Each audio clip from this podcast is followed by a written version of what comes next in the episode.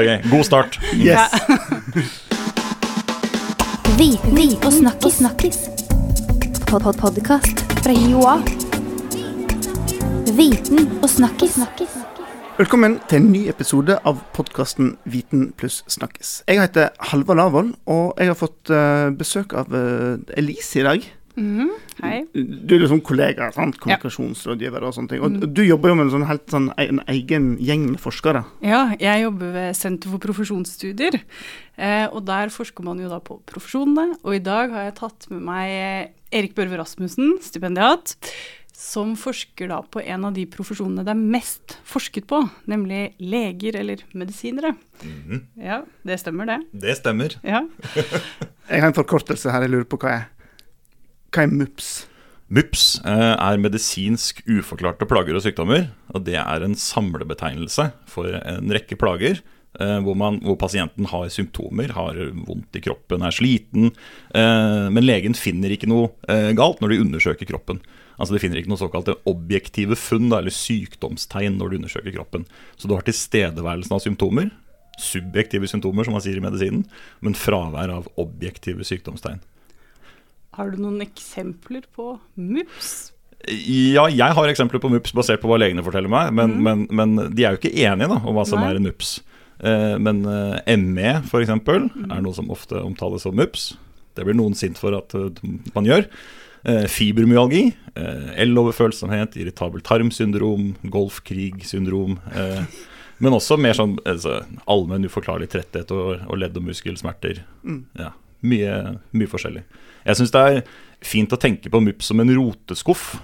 Som? Man har, man, er, alle har en roteskuff når de har en pult. Og det, og det er veldig nyttig å ha, for der kan du putte ting som ikke hører hjemme i de andre skuffene.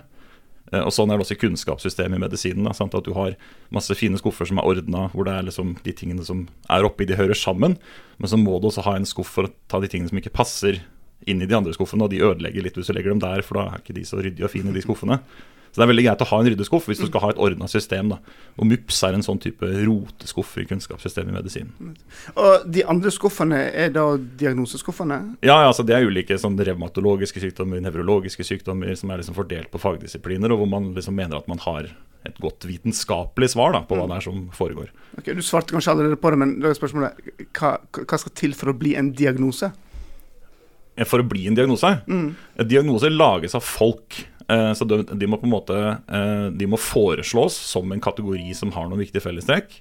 Og så må de godtas av mange nok, og så må de gjerne puttes inn i altså innlemmes da er vel det fine ordet, i en eller annen form for diagnosemanual. Altså Man har noen sånne store overordnede diagnosemanualer, eh, eller diagnosesystemer, som brukes overalt i helsevesenet i hele verden. Verdens helseorganisasjon har altså det er særlig to da, som vi også bruker i Norge. Den ene er den som brukes i sykehushelsetjenesten, som heter ICD. Eh, og så er det den andre som brukes i eh, primærhelsetjenesten, fastlegen osv., som heter ICPC. Ja, Det er forkortelsene, og de lange navnene er kanskje ikke så interessante, men de bruker ulike diagnosemanualer. Eh, og det, ja, det er mange år med lobbyvirksomhet og på en måte, hva heter det for noe sånn konferansevirksomhet da, for, å, for å lage og foreslå diagnoser. Mm. Så tar det lang tid å få dem inn, og så tar det også lang tid å få dem ut. Så noen diagnoser de, de har vi lenge etter at folk slutter å bruke dem. Sånn som f.eks. homofili, som var en diagnose i, i psykiatrien fram til 1978, selv om den kanskje ikke ble brukt så mye i den siste perioden, men allikevel, da, så, så, sto den der. Og hva het alle de diagnosene på Var det hysteriske damer? Ja, ja, ja, ja, ja hysteri. Men det, det var på en måte før vi hadde disse formelle diagnosemanualene, da, som kom på en måte samtidig med at man ble opptatt av altså, eh, ja, å føre statistikk da, og telle. For det handler om at man skal ha like diagnosemanualer overalt, så man bruker de, like, de samme kategoriene, så man kan sammenligne statistikk mellom land. Men eh, eh, når Altså, eller hva er det som er så spennende med å eh, studere og forske på denne roteskuffen? Altså, hva kan den fortelle oss? Det som er gøy med å forske på rotskuffen, det er at den viser eh, noe som jeg tenker på som en egenart ved medisinen. Det er at det er ikke så ordna, ryddig og objektivt og sånn som vi tror. Den får fram veldig mye av skjønnet, veldig mye av pragmatikken som er ute og går i medisin, eh, og, og som de er henvist til å bruke. Så det er, det er på en måte en veldig fin eh, inngang da, for å få tak på, på hva medisin er som praksis, og ikke, og ikke sånn som vi gjerne tenker at det er, som en sånn veldig teknisk, vitenskapelig, objektiv greie som kjenner sannheten og, og sånn. ja. Så, det, så, det, så det, er en av, det, er en av, grunnene til det. Det er, det er, er mange grunner til det. Mm. En, en, annen grunn er at disse diagnosene er, de er veldig mye brukte. Altså dette er jo den nå er, det, nå er, det, vanskelig å anslå hvor mange det er, ja. eh, fordi det er diffuse lidelser, og folk er ikke enige om hvem som er eller ikke er diffuse. Så det er vanskelig å telle. Mm. Men eh, så mange som en tredjedel er liksom blitt anslått av fastlegens pasienter. Går liksom under denne kategorien. Da. En tredjedel ja. er MUPS. Ja. Wow. Og For pasientene er det ikke gøy, og for legene er det ikke gøy, men for sosiologen så er det spennende å holde på med, uh, fordi det er veldig rotete. Mm. Uh, det, folk er ikke enige i, i, praksis, de er heller ikke enige når de forsker. Uh, pasientene er uenige med hverandre. men jeg trenger ikke å ordne det, jeg skal bare gi en ryddig fremstilling av, liksom, av, av rotet. Så det er liksom, ja. Men, nå, du har vært ute på legekontor nå når du har gjort denne studien her? Er ikke på legekontor, men, har, men, folk som jobber på legekontor, har eh, kommet sammen for å, for å, snakke fag med kollegaer, og så har jeg fått være der og stille dem spørsmål. For det jeg lurer på er at Når jeg som pasient går og besøker min, eh, min eh, fastlege ja. og har litt aua en eller annen plass, mm. hva som skjer sånn behind the scenes der det, med tanke på diagnoser og sånt? Hvordan er det legene jobber? Ja, altså Det kommer an på hva slags type, type tilstander vi snakker om. da.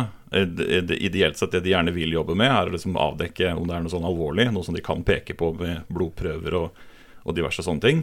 At du er liksom utenfor livsfare og alt mulig sånt noe. Eh, og så har du disse tilstandene hvor de ikke finner noen ting, men hvor du allikevel har det fælt og du kommer tilbake eh, på ny. Uh, og da må de altså de kan jo ikke bare be deg slutte å komme. Eh, du har jo ikke noe annet sted å gå. Uh, det er deres ansvar å, å, å, passe på. Da. da må de finne en eller annen form for løsning. Og de må, de må bl.a. sette en diagnose.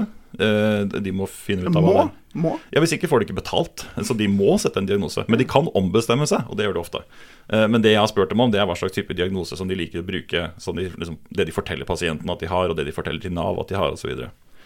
Uh, og da er det på en måte eh, De idealene om å liksom kunne peke på eh, det er det du har i kroppen din, de er liksom av bordet. De er ikke aktuelt lenger.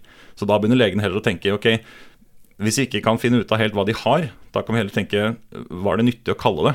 Sant? Altså Hva er det pasienten f.eks. kan ha godt av å høre, eller, eller, ikke ha godt av å høre? Eller hva er det Nav trenger å bli fortalt for at pasienten skal f.eks. få en eller annen form for rettighet eller ytelse som de har lyst på? Så da begynner rett og slett legen å tenke på diagnoser ikke som svar på spørsmålet hva er galt, men som eh, redskaper som de kan bruke for å få ting til å skje. Hm. Eh, så da på en måte kollapser litt dette skillet mellom diagnose og behandling. For at hm. diagnostisering blir en form for behandling, en form for omsorg. Eh, som er ganske morsom og ganske problematisk. Eh, særlig med tanke på at vi skal ha en arbeidsdeling mellom leger og Nav. Ja, nettopp. ja.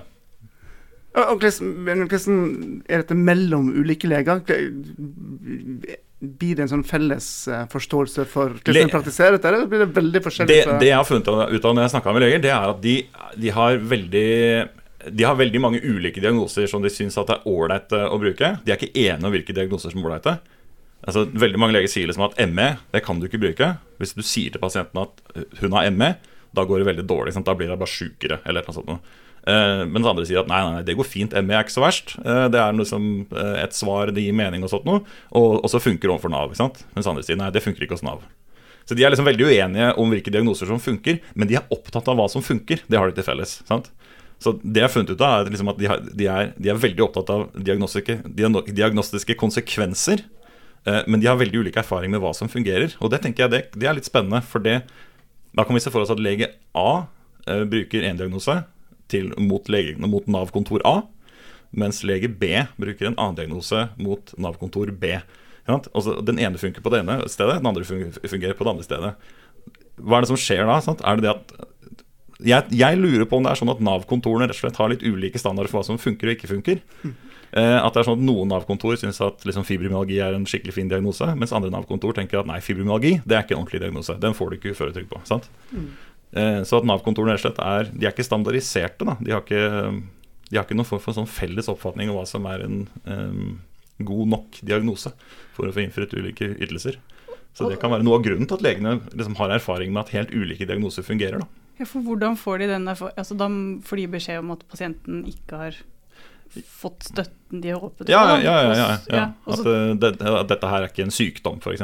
Mm. Sykdomsbegrepet er jo, er jo helt sentralt på en måte i, i eh, både når vi snakker om MUPS-begrepet, men også på en måte min forskerinteresse. Da. Eh, For Sykdomsbegrepet er jo en del av folketrygden. Det er et sykdomskrav. Du skal, altså Sykdom skal være en vesentlig årsak til at du har redusert arbeidsevne. Men hva er sykdom? I folketrygden så sier de at sykdom, det, det vet jo ikke vi hva er, liksom, for vi er politikere som lager lov. Men, men legene vet det. Så sykdom er det som legene til enhver tid er enige om at sykdom er. Og så legger de til men det må være en sånn kroppete greie. Det er ikke liksom, psykisk, og det er ikke, det er ikke med, det, med samfunnet å gjøre, og ikke med kultur å gjøre. Det er, det er kroppete. sant?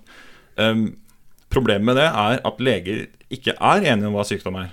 Eh, De er uenige om hvordan man skal trekke skillet. De kan være enige med seg selv også. Sykdomsbegrepet er vanvittig vagt og uklart. sant? Og Nav-kontorene også kan liksom tenke at dette her er eller er ikke en sykdomsdiagnose. De er uenige om det.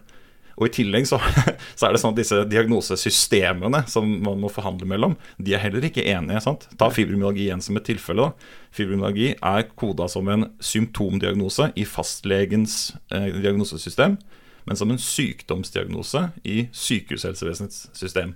Så Det kommer an på hvem av dem du ser på, om det regnes som en sykdomsdiagnose. Men i tillegg er det sånn at de færreste vet dette. da. Så, så, det, så det handler mer om hva man, liksom, hva, hva man syns det virker som. Om det er liksom skikkelig nok eller ikke. Så det er ja. Men hva blir da, hvis man skal forklare skillet da mellom en sykdomsdiagnose og en symptomdiagnose? ja, Det er et godt spørsmål. Ja. Og det har jeg, og det har jeg spurt legen om. ja. Jeg har, jeg har spurt om for eksempel, I denne gruppa så spurte jeg Ja, det er fokusgruppeintervju jeg har gjort. da Og de er kjempegøye når det kommer til sånne tilstander. For de har veldig mye å si om det, og de er veldig uenige. Eh, og Så snakka vi om, om utmattelse, og så spurte jeg Men hvis, altså, hvis du er utmatta, er det en sykdom? Så sa de nei, nei, nei, det er det ikke. Eller altså, nei, nei, normalt sett er det ikke det. Ja, Men hva skal til da for at det blir en sykdom? Og så begynte det å komme forslag. ikke sant? Ja, Hvis du har det i tillegg, så ja, da begynner det kanskje å ligne på en sykdom. Altså, ja, men, men hva med det, da? Nei, ok, da er det ikke en sykdom allikevel. sant? Og så holder de på å prøve å finne ut hvor, hvor den grensa går. da. Og de er, de er rike på forslag, eh, men, men, men forslagene er ikke, veldig, er ikke veldig solide. da. De kommer lett på et sånt kontraeksempel. sant? Og Det dette forteller meg, det er at sykdomsbegrepet ikke, altså, eh, Det er ikke svart og hvitt for legene. da. Det er ikke en sånn det er ikke sånn de er enige om alt som er og ikke er sykdommer. Sykdom er egentlig for dem De, de spør seg egentlig bare trenger pasienten hjelp. Det er det de er opptatt av. Det sykdomskravet er helt sekundært. Altså, de, de tenker egentlig heller, motsatt. Hvis pasienten trenger hjelp, så er han syk. Istedenfor er han syk, ja, da kan han få hjelp. Men nå blir vi liksom betrygga som, som potensiell pasient her, at hvis, hvis, Ja. at det, det det legene først tenker på trenger han hjelp, stakkars mann, Ja, så er det Ja, ja, det, altså, det er jo veldig flott. da blir jeg glad. Ja, ja, ja. Men så, kan så går det an å tenke også hvis, som på en måte jevnt over frisk skattebetaler at hvis, hvis mange nok eh, går til legen og, og vil ha noe og legen gir for at de syns de trenger det, så kan, så kan man mene at det er uheldig. Og så går det også an å innvende at det er uheldig at legene ikke eh, ja, følge lovverket, syns jeg blir litt sånn eh, forenkla, men, men at, de, eh, at de har en praksis som kanskje ikke helt er i tråd da, med lovverket. Jeg har presentert føttene mine for noen som mener at de definitivt ikke er i tråd med lovverket. Ja, så, så da får man dette spørsmålet mellom hvorvidt de er pasientens eh, advokat eller systemets forsvarer, altså Ja. portvokter. Altså, jeg, min erfaring er at det er dårlig skille. Altså det, det forteller veldig lite om hvem legen er. Fordi de, de er mer opptatt De har en idé om hvordan systemet burde fungere. Altså De har en slags fortolkning av hva det er som er intensjonen. Og så tenker de at jo, men her har vi masse formelle lover og regler, og sånt noe, og ting faller imellom. Sant? Det er naturlig når man forsøker å lage et rigid system. Så det vi gjør, tenker de, tror jeg, det er at de prøver å tilpasse måten systemet virker på, sånn at det virker etter intensjonen. Og det minner egentlig veldig om den, den tradisjonelle advokatforståelsen, altså i rettsvesenet. Sant? At det handler om at advokaten skal gi de, de, den siktede best mulig sjanser i rettsvesenet. Fordi vi vet at rettsvesenet er et imperfekt system. Så på den måten er de definitivt advokater, men de er ikke advokater bare for, bare for pasientene. De, er liksom, de forsøker å få systemet til å virke etter intensjonen, sånn som jeg oppfatter det. Men jeg ble nysgjerrig, da. Er det sånn at noen diagnoser eller sykdommer er, har liksom høyere prestisje enn Ja, det andre? er, ja, det er det definitivt. Eh, det er- da? Jeg, jeg, jeg, har, jeg, har vært med i et, i et prosjekt som har, eh, som har spurt leger om dette her. Altså hva slags diagnoser som har lav og høy eh, prestisje. Og de, vi har liksom skissert noen, noen kriterier da, som synes å være viktige for at noe får høy prestisje. Og det ene er at det er livstruende. At det er, det, er, det er kult. Eller at det er akutt, da. Ja, men, altså, sånn, altså, sånn, men du må se på det fra, fra ståstedet til de som holder på med noe. Ja. Altså, at det er liksom, altså, Bytte ut kult med spennende. Da, sant? Ja. Det er spennende hvis det er noen som er i livsfare, og det haster. eh, Og det du må gjøre, er å åpne dem opp, eller bruke avansert teknologi for å redde livet. Eh, Og når de våkner til liv igjen, så er de eh, bevisste og friske og takknemlige. Sant? Og gjerne også om det er liksom aktualisert i, for i forskningsfronten. Da. Det er ting som har noe å si. Og så har vi de tilstandene som jeg har holdt på med, sant? Hvor, man ikke, hvor det ikke er akutt, det er, det er kronisk. Hvor det ikke er livstruende, det er plagsomt. Og, og for mange liksom alvorlig plagsomt. Altså, det, er, det er jo folk som, som ligger i senga liksom hele dagen i mørket. Men så er det andre som ikke gjør det. Men, men det, er ikke, det er ikke livstruende. Eh, og du kan ikke gjøre så mye annet enn å snakke med dem. Eh, og på en måte kanskje sånn som noen av mine leger gjør, følge med på om de kan trenge en sykemelding i ny og ne. Ikke sant? Eller og samtaleterapi, liksom. Og det, det har ikke samme schwungen over seg. Det er ikke, ikke sant? Så det har lavere prestisje, da. Eh, altså i alle fall i den undersøkelsen vi har gjort, da. Eh, og du, kan, du, du skal jo naturligvis ikke åpne dem opp. og du bruker ikke teknisk avanserte duppeditter og sånt noe. Så det, ja. Så det har en helt annen Og de er gjerne ikke eh, bevisstløse når de kommer inn og våkner til bevissthet når de går inn. De er der hele tiden og er, og er kanskje misfornøyd med hjelpen de får. Mange leger syns det, er- altså, synes det er vanskelig å ha et godt lege-pasient-forhold. eh, når pasientene har den type lidelser. Det er vanskelig å hjelpe, vanskelig å vite hva man skal si og gjøre. og sånt noe. Men her tar legen også på en måte, sånn kollektivt sett et grep da, med at de har oppretta en sånn type hva arbeidsgruppe, eller noe sånt, en sånn MUPS referansegruppe, bl.a. med Kirsti Malterud, som er har forska veldig mye på, på dette, og som er superrelevant for min forskning. Ja. Jeg vet ikke om du har sett på det, men, men nå er det jo sånn at mange pasienter er flinke på å google ting Ja. før en kommer til legen, Ja. og har kanskje satt diagnosen sjøl Mm. før en kommer til legen. Er, det, er dette noe du har sett på den, den, når, når pasientmøter med diagnose? Ja, det er noe som legene forteller om. eh, og og så, så varierer det veldig hva de syns om det. Et viktig skille i, i mine data overhodet, og som jeg også finner liksom uttrykk for i litteraturen, da, det er at de yngre legene, som er ganske rett ut av medisinskolen, de, de syns at det er at, at det er dumt. At, at pasienten kommer og stiller krav, og sånt noe, særlig når de da ikke kan være helt sikre på hva de bør gjøre, og ting ikke helt passer overens med, med fasiten og sånn. Eh, mens de erfarne legene de kan tenke mer sånn at det er kjempefint at det kommer forslag, og hvis legen selv tenker at det er hipp som happ om vi sier det eller det, så kan du like gjerne få den. sant? Altså, så de, de, har en helt annen sånn innstilling da, som er eh, Det er egentlig kanskje noe av det som aller gøyeste som, som jeg har lært da, av, av å holde på med dette, er hvor annerledes fastlegene er. I hvert fall de erfarne liksom, som har holdt på en stund, i forhold til andre legetyper. At de er um, Noe av det å bli fastlege er å legge fra seg den, den biomedisinske, scientistiske, objektive, tekniske pakka som de, som de utvilsomt lærer. Eh, og så må de sånn, tilpasse seg en sånn, en sånn rotete gråsonevirkelighet og bli liksom veldig komfortable med det. At det, så det er de som har blitt helt sånn. han ene legen, han, han, han eh, som jeg har intervjua, han, han omtaler seg som, eh, som eh, jeg tenker på pasientene som min flokk, sier han. altså jeg hyrden, eller noe sånt. ikke? Men at, og, så, flåser han litt, da. Men at det, han er på en måte en, altså, tenker på seg som en livsledsager. Som skal være med dem i tykt og tynt og sørge for at de betaler skatt og har det fint og kan jobbe så mye de kan, og at de får hjelp når de trenger det og støtte. Og sånn. altså, det er en veldig annen sånn type legerolle enn denne her, på en måte eh, vitenskapelige detektiven som leter etter en sånn smoking gun i kroppen. Som, er en, som er en mekanisme, en ting som du kan se på røntgen eller et eller annet sånt. Det er helt, en helt annen type, en helt annen dyr. liksom. ja. Eh, jo, når du snakker nå, så blir det jo ganske tydelig, i hvert fall for meg, at det, at det er et skille mellom hva vi som da ikke er leger, eh, tenker om det som skjer når vi kommer til legen, når vi har en plage.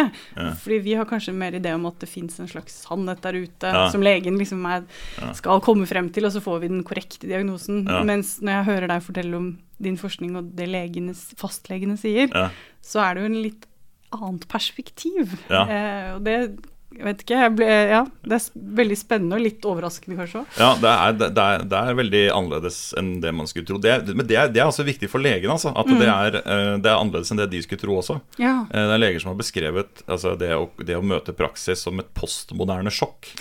altså, fordi, sånn, fordi, kategoriene passer ikke overens med virkeligheten. Ja. Det, er ikke, det er ikke ryddige bokser og sånt, og de må bruke skjønn, og de må liksom Ja, kanskje funker det nå, men kanskje funker det ikke denne gangen, selv om det funka sist gang. Mm. Så det, er, det, er, liksom håndverk i liksom, i langt større grad enn det de, enn det de skulle tro selv. Ja. Og, og, dette her tenker jeg er noe av det sånn, som man kan bidra med, med, med generelt, da, med å undersøke medisin med et litt sånn typ kritisk samfunnsvitenskapelig blikk. fordi Problemet, sånn som jeg ser det, er altså, Det kan være mye problematisk med praksis, men et viktig problem er egentlig vår idé om praksis. Altså mm. våre forventninger til medisin, som bare mm. passer så utrolig dårlig til liksom, den virkeligheten som Altså måten de må møte pasienter på med liksom veldig ulike kropper og ulike plager, mm. med, med, rigide diagnosesystemer uh, og, og, et Nav-system som de skal prøve å få ting til å skje i, liksom. Altså, det, mm. er, um, det er klart det blir uh, Ja, de er pragmatikere, uh, ja. og, og det, det, har vi godt av å vite, tror jeg. Mm. Ja. Hvordan blir forskningen din mottatt innad, da? I, altså blant Den har blitt uh, veldig godt mottatt. Ja. Uh, som er veldig, uh, veldig gøy, siden det på en måte jo ikke er en sånn forskjønnelse. Mm. men, men, nei, altså, den er, den er på, Ja, det, det, det, er sånn selvskrytalarm, da. Men, ja, men, men den, er på, den, er på, den er på leselista på, for et sånt doktorgradskurs på medisinsk fakultet. Mm. Altså, den, den, første artikkelen som handler om diagnostisering. Mm. Og jeg tror det er veldig bra fordi i, altså i allmennmedisin så sliter man med rekruttering. Altså Det er vanskelig å få folk til å bli fastleger, men det er også veldig vanskelig å få dem til å forbli fastleger. Mm. Og Det er særlig da jeg tenker at det er viktig med at utdanninga forbereder dem på at praksis er noe veldig annet enn Altså at den biomedisinske modellen kommer til kort. Mm. Uh, uh, alt er ikke liksom objektive, synlige, målbare sykdomsmekanismer. Det er, det er folk med liv og liksom med helhetlige problemer som du ja, som, du må bruke, som du må gruble på, bruke skjønn og prøve ut litt og prøve deg fram. Du må bli kjent med pasientene. Det er noe helt annet enn en, en sykehusmedisin, og det, og, det, og det, må de være forberedt på. Mm. Så, jeg, ja, så, jeg, tror det kanskje er fordi det passer overens med et sånt, med et sånt behov. Altså, det er ikke bare jeg som, som, mener at dette er noe som de må bli flinkere på. Mm. Mm. Hvordan er du blitt mottatt? For du er jo ikke lege, du Nei. har ikke studert medisin. Jeg er sosiolog. Ikke sant? Ja. Hvordan blir du mottatt inn i medisinske kretsene? For det, medisin jo et stort forskningsfelt ja. i seg sjøl, og de forsker jo òg på, på, ja. på, seg sjøl. Hvordan ser du på at andre fagfelt kommer inn her det? Det, er, det kommer litt an på hvor man, eh, hvor man går. Du, de stedene jeg har vært og presentert, når jeg har møtt leger, så er det sånn kjempepositivt. og veldig, veldig bra. De syns det er veldig spennende og viktig at folk forsker på dem. Og så gøy at sosiologer ser på oss. Og liksom veldig, sånn, veldig positive da, og, og, og, og konstruktive og, hele pakka. Så er det annerledes. Jeg har en annerledes erfaring fra tidsskrift. Eh, på en måte, ja, jeg har en tidsskrifterfaring nå, med et medisinsk tidsskrift, som var veldig annerledes der virka det ikke som at, var, at, man var åpen for et sosiologisk perspektiv. Da. Så det måtte vi jobbe litt for å kjempe med, igjennom. Men det gikk. Men det, Nå som du har vært og, studert denne gjengen her, eh, mm. har, har noen sånne, sånne, tips til oss, eh, oss vanlige som av og til må nytte oss av disse fastlegene her? Er sånn, har du noen inside-tips på Ja, ja det, er, det, er, jo ikke så mye basert på min forskning, da, men jeg leser mye annen forskning som handler om fastleger. Og, og ett tips er å skrive ned på forhånd det du har lyst til å snakke om. Skriver du ned? Skriv det ned. Hvorfor det? Fordi at legene eh, prøver å snappe opp så fort de kan det du forteller, og se om det, liksom, om det, er et spor der som de skal utforske videre for å komme fram til et svar i en diagnose fort, sånn at de kan treffe neste pasient. For at de, de har veldig mye å gjøre. Mm. Eh, mens når man selv snakker sant, og skal snakke om noe som er litt, litt vondt, og, vondt, og, vanskelig, så venter man kanskje med det alvorlige sant, og begynner med ta det forsiktig først. Og sånt, man vil snakke seg inn i det og sånt. Hvis du gjør det, så kan du fort ende opp med å ikke få snakke om det du vil. da fordi de, sant, de, begynner veldig fort å stille deg oppfølgingsspørsmål for å komme fram til en diagnose. Sant? Så det kan være lurt å skrive ned det, det, som du har lyst til å snakke om. Definitivt. Godt forberedt mm. til ditt neste legebesøk, med Ja. Da skal vi huske på det. Eh, men nå har du snakket en del om at fastlegene ikke er biomedisinere, stemmer det? Ja, ja, Men hvis de ikke er det, hva, Hva vil du definere dem som da, eller hvordan Ja, altså, de, de lærer jo biomedisin, og de kan også biomedisin. Men, i, men i medisin så er det liksom to viktige modeller for å tenke om kropp og helse. Den ene er biomedisin, hvor det er sykdomsmekanismer i kroppen som kan avdekkes, og som er objektive og målbare. Og sånn. Og så er det den biopsykososiale modellen, som er liksom hvor man skal tenke helhetlig om hele mennesket som på en måte eh, med, med, en, med en kropp og med et, et liv og en personlighet og en, en, en historie og, og alt mulig sånt, som er en veldig sånn annen type tenkemåte. Men de, men de selv om det er måten som de på en måte arbeider best med, så kan de ikke alltid velge det selv. Altså, eh, I skolen så lærer de eh, på en måte å tenke eh, at de skal være biomedisinere, at det liksom er et sånt ideal, de har høyest prestisje. Eh, og, og vi forventer det av dem, at de, skal, at de skal oppføre seg på den måten. Så de stiller på en måte også det kravet til seg selv, som gjør det liksom litt vanskelig å bli fastlege da, for mange av de som er nyutdanna. Og som gjør, altså jeg hadde jeg var også en, også en fastlegevikar som, eh, som altså Jeg hadde en sånn, en sånn, utslett på armen, kanskje sopp eller et eller annet sånt annet pinlig. Eh, og, så, og, så, eh, og så spurte jeg liksom hva det var for noe, og hva jeg skulle gjøre for noe med det. Og så sa hun at ja, det er helt sikkert sopp, du må bare ha en sånn salve på, og så, og så går det vekk. Og så sa jeg ja, fint. Så sa ja, men for sikkerhets skyld så skal vi kanskje ta en prøve. Eh, Så ok, ja, Det er en veldig vanskelig prøve, sier hun. Eh, Så vi må, vi må skjære av et sånt tynt lag i huden din med en skalpell. Og så, og så må vi ta en prøve av den da for å sjekke at det er liksom sopp. Og så sier jeg ok, ja greit, da, da får vi gjøre det. Og så begynner jeg å skjære, og så sier au! Jeg sier au! Ja, ja, unnskyld, jeg hadde gjort dette før. Det gjør, det gjør veldig vondt. Og så begynte jeg å blø masse. Og så ble det sånn pinlig og vanskelig mellom oss og sånn. Men, men hun fikk av en flik med hud, da. Og, og så sendte jeg den til laboratoriet. Og så gikk jeg hjem, og så fikk jeg et brev i posten, og så sto det at prøven var negativ. Og så skriver hun Men det er sopp for det, så bare bruk den salven. Det spilte ingen rolle, liksom. At, eh, altså, den, den prøven var helt unødvendig for alle andre formål enn å liksom å bare ta en prøve, for prøver er bra. Ja. Jeg lurer på altså, Hvis det er sånn da at vi vanlige folk som ikke er leger, da, det kommer til legen og har en forventning om Mm.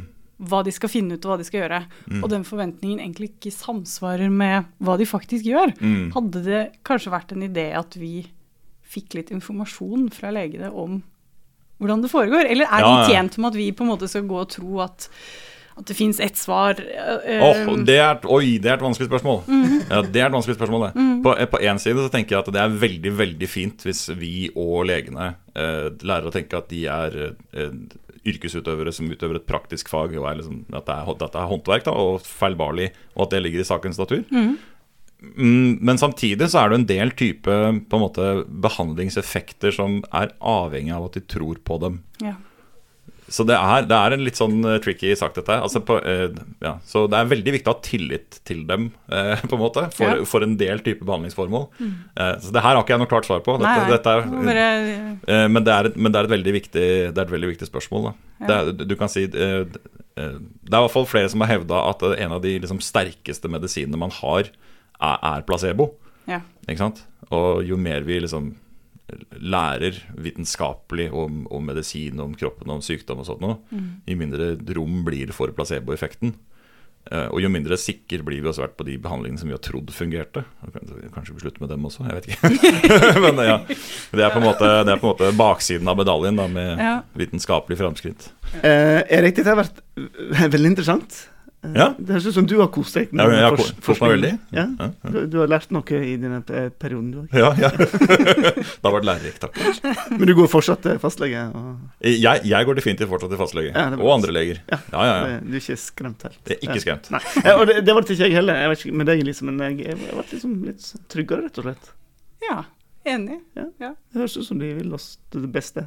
Ja, Både systemet og legene. Ja. Mm. Ikke alle, men de, men de fleste tror jeg vil det. Hvis ikke så tror jeg det er en ganske kjedelig jobb å ha. Eh, hvis du som har hørt på nå, eh, syns dette var veldig interessant, så kommer vi til å mm, legge ut en tekst eh, med et fint bilde av Erik, og så skriver vi om hva vi har snakket om i dag. Og der har vi alltid en sånn eh, les mer-spalte.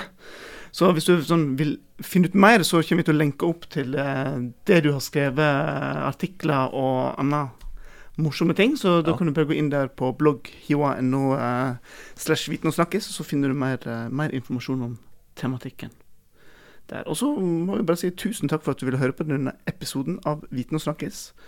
Eh, vi kommer tilbake neste fredag, selvsagt. Og så er det bare til å abonnere for å få neste episode rett ned i podkastappen din. Elise, Ja. tusen takk for at du tok med Erik i Ja. studio. Takk for at vi fikk komme. Viten og snakkis. snakkis. Pod -pod Podkast fra Joa. Viten og snakkis. snakkis.